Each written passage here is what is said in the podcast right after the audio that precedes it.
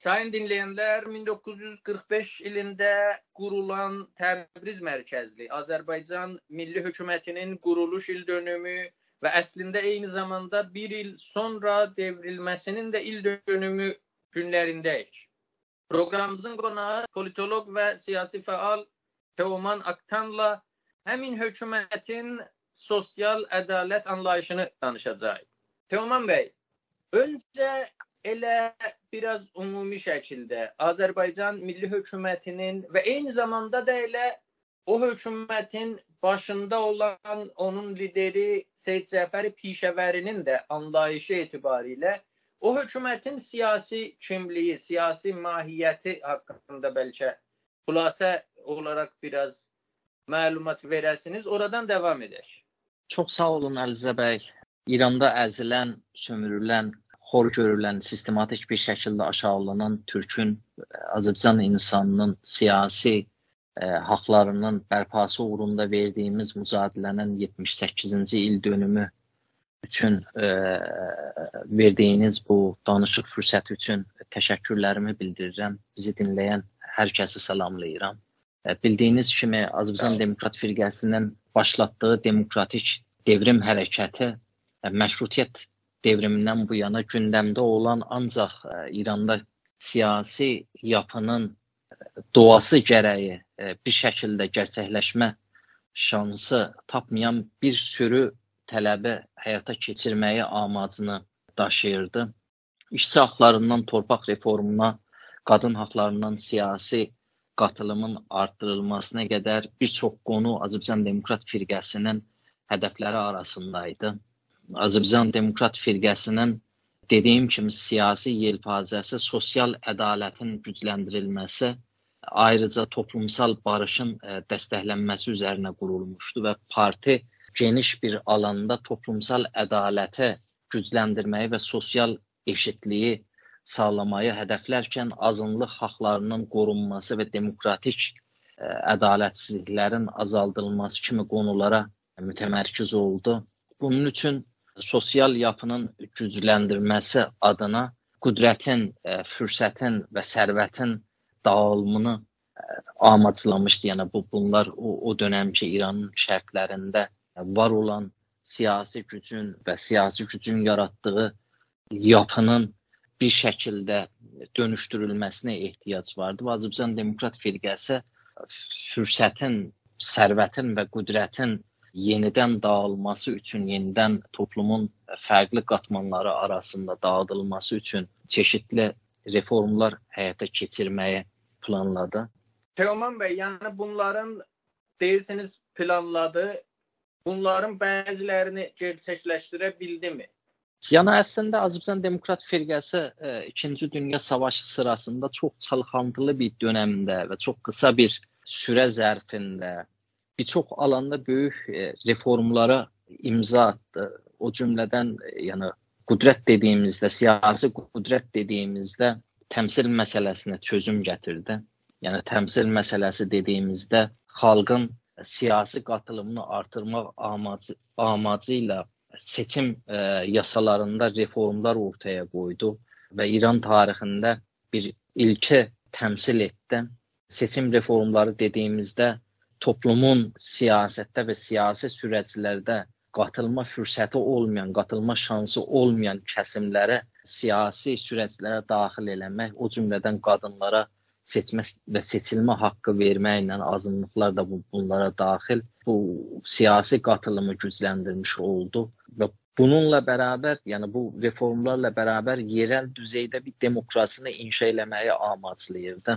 Bunun üçün yerel düzeydə, yəni istər vilayət olsun, istər qəsəbələr olsun, istər mahallar olsun, istər e, əyalət düzeyində olsun, həm bələdiyyə məclislərinin qurulması, seçimə dayalı bir düzənin, toplumsal düzənin qurulması amaclanmışdı. O onun üçün o dönəm Azərbaycanın 213 şəhər və yerləşim yerində seçimlər gerçəkləşdirildi.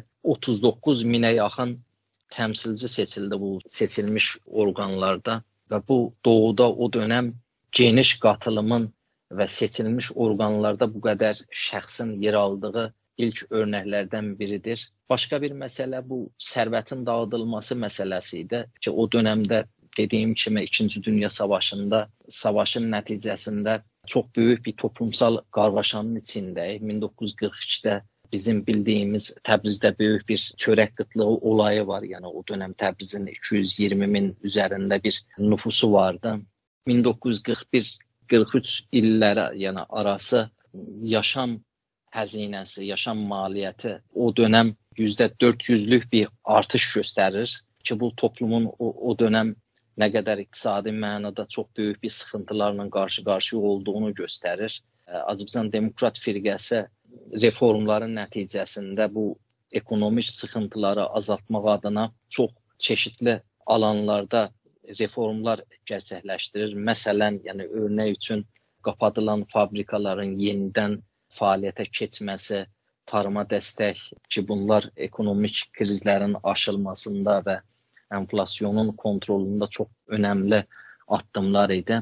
Başqa bir məsələ bu sərvətin dağıdılmasında mülkiyyətin, yəni yapısının dəyişdirilməsi idi ki, o dönəm əsasən yəni tarıma dayalı, ziraətə dayalı bir iqtisadi yapı ə, e, hakim idi o dövrün toplumuna. Azərbaycan Demokrat Firqəsi torpaq reformu ilə bərabər sərvətin, gəlirin dağılımını toplumun fərqli qatmanlarının arasında hədəfləyir. Buna görə o, o dövrdə %80-lik bir torpaq böyük torpaq sahiblərinin əlindədir. Yəni ərbablıq sistemi hakimdir. %12-lik e, dövlət dövlətin təməllükündə olan ərazi vardı gördüyünüz kimi torpağın böyük bir yüzdəsi toplumun torpaq üzərində çalışan cəmiyyətin xaricində olan çevrələrin və kəsimlərin əlindədir. Azərbaycan Demokrat Firqəsinin torpaq reformu ilə biz bu yapının, bu sistemin e, dəyişməsini görürük.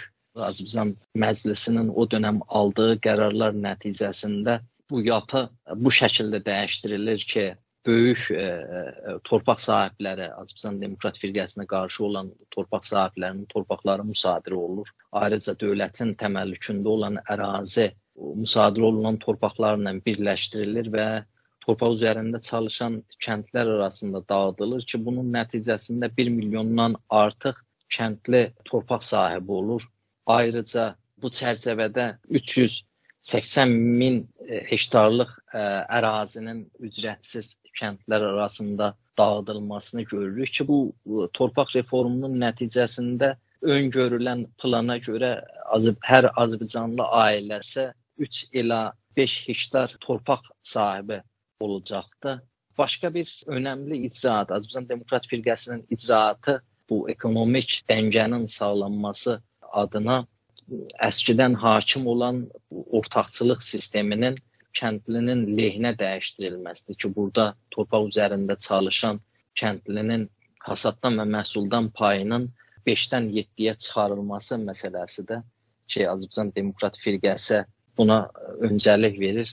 Ayrı bir məsələ bu eğitim reformlarıdır ki, bu toplumsal yəni yapını gücləndirmək üçün ə, e, toplumun fərdlərinin, hər kəsin eğitimə, təhsilə erişiminin rahatlandırılması için. Teoman Bey bunların yani bütün bunları siz anlatırsınız ister sosyal seviyede ister fərqli icmaların hüquqları olsun, istər fərqli hüquqlar olsun. Bunlar elə hökumət iqtidara gəlir, bir inqilab olur. Ondan sonra məsələn populist adımlar kimi bu şəkildə tənzimləmələr olmadan verilir, yoxsa bunların hamısının arxasında ciddi hüquqi və siyasi qanunlar keçirilirmi? Əslində e, dediyim kimi bu Azərbaycan Demokrat Firqəsi siyasi kimliyinə görə bir demokratik, devrimci bir hərəkətdir və bunlar məşrutiyyət devrimindən etibarən toplumun və siyasətin gündəmində olan amma bəlli bir siyasi nədənlər nədənlərə görə gerçəkləşmə şansı olmayan reformlar və icraatdır ki, Azərbaycan Demokrat Firqəsi, Azərbaycan Milli Hökuməti qurulduqdan sonrası bəlli bir yasal düzənləmələrlə, bəlli bir hüquqi çərçivə ilə, yəni bu, bu islahat və bu reformların hamısı gerçəkləşir. Yəni bunların hamısı Azərbaycan Məclisinin qərarları ilə aldığı reform qərarları ilə mümkün ola bilmişdir. Yəni bunlar populist addımlar və ya hesabsız, kitabsız, plansız və ya keyfi bir şəkildə uygulanan, uygulanan siyasətlər və politikalar deyil. Bunlar məşrutiyyət devrimindən etibarən İrandakı sosial demokrat kəsimin və çevrənin önəmsədiyi və çözüm ürətdiyi məsələlərdir və bunları təkcə Azərbaycan bölgəsində siyasi şərtlərin oluşması ilə bu planların bir çoxu gerçəkləşmə şansı tapır. Məsələn, bu dediyim kimi qadınların və ya azınlıqların və ya işçilərin haqlarının qorunması bu məşrutiyyət devrindən başlayaraq hətta bu seçim yasalarındakı bu reformlar toplumun fərqli kəsimlərinin siyasətdə söz haqqının olması bunlar məşrutiyyət devrimindən yəni başlayan bir sürəcdir ki, Azərbaycan Demokratik Firqəsi dövründə uluslararası konjunkturun ayrıca ölkənin və bölgənin içində bulunduğu şərtlərin yaratdığı ortama görə gerçəkləşmə şansı tapır və bunlar ə, yasal bir düzənləmə ilə Azərbaycan Milli Məclisi tərəfindən ortaya qoyulan siyasi qərarlılıqla gerçəkləşir. Çox sağ olun Teoman bəy, təşəkkürlər müsahibəsi. Çox sağ olun, mən də təşəkkür edirəm verdiyiniz danışıq fürsəti üçün.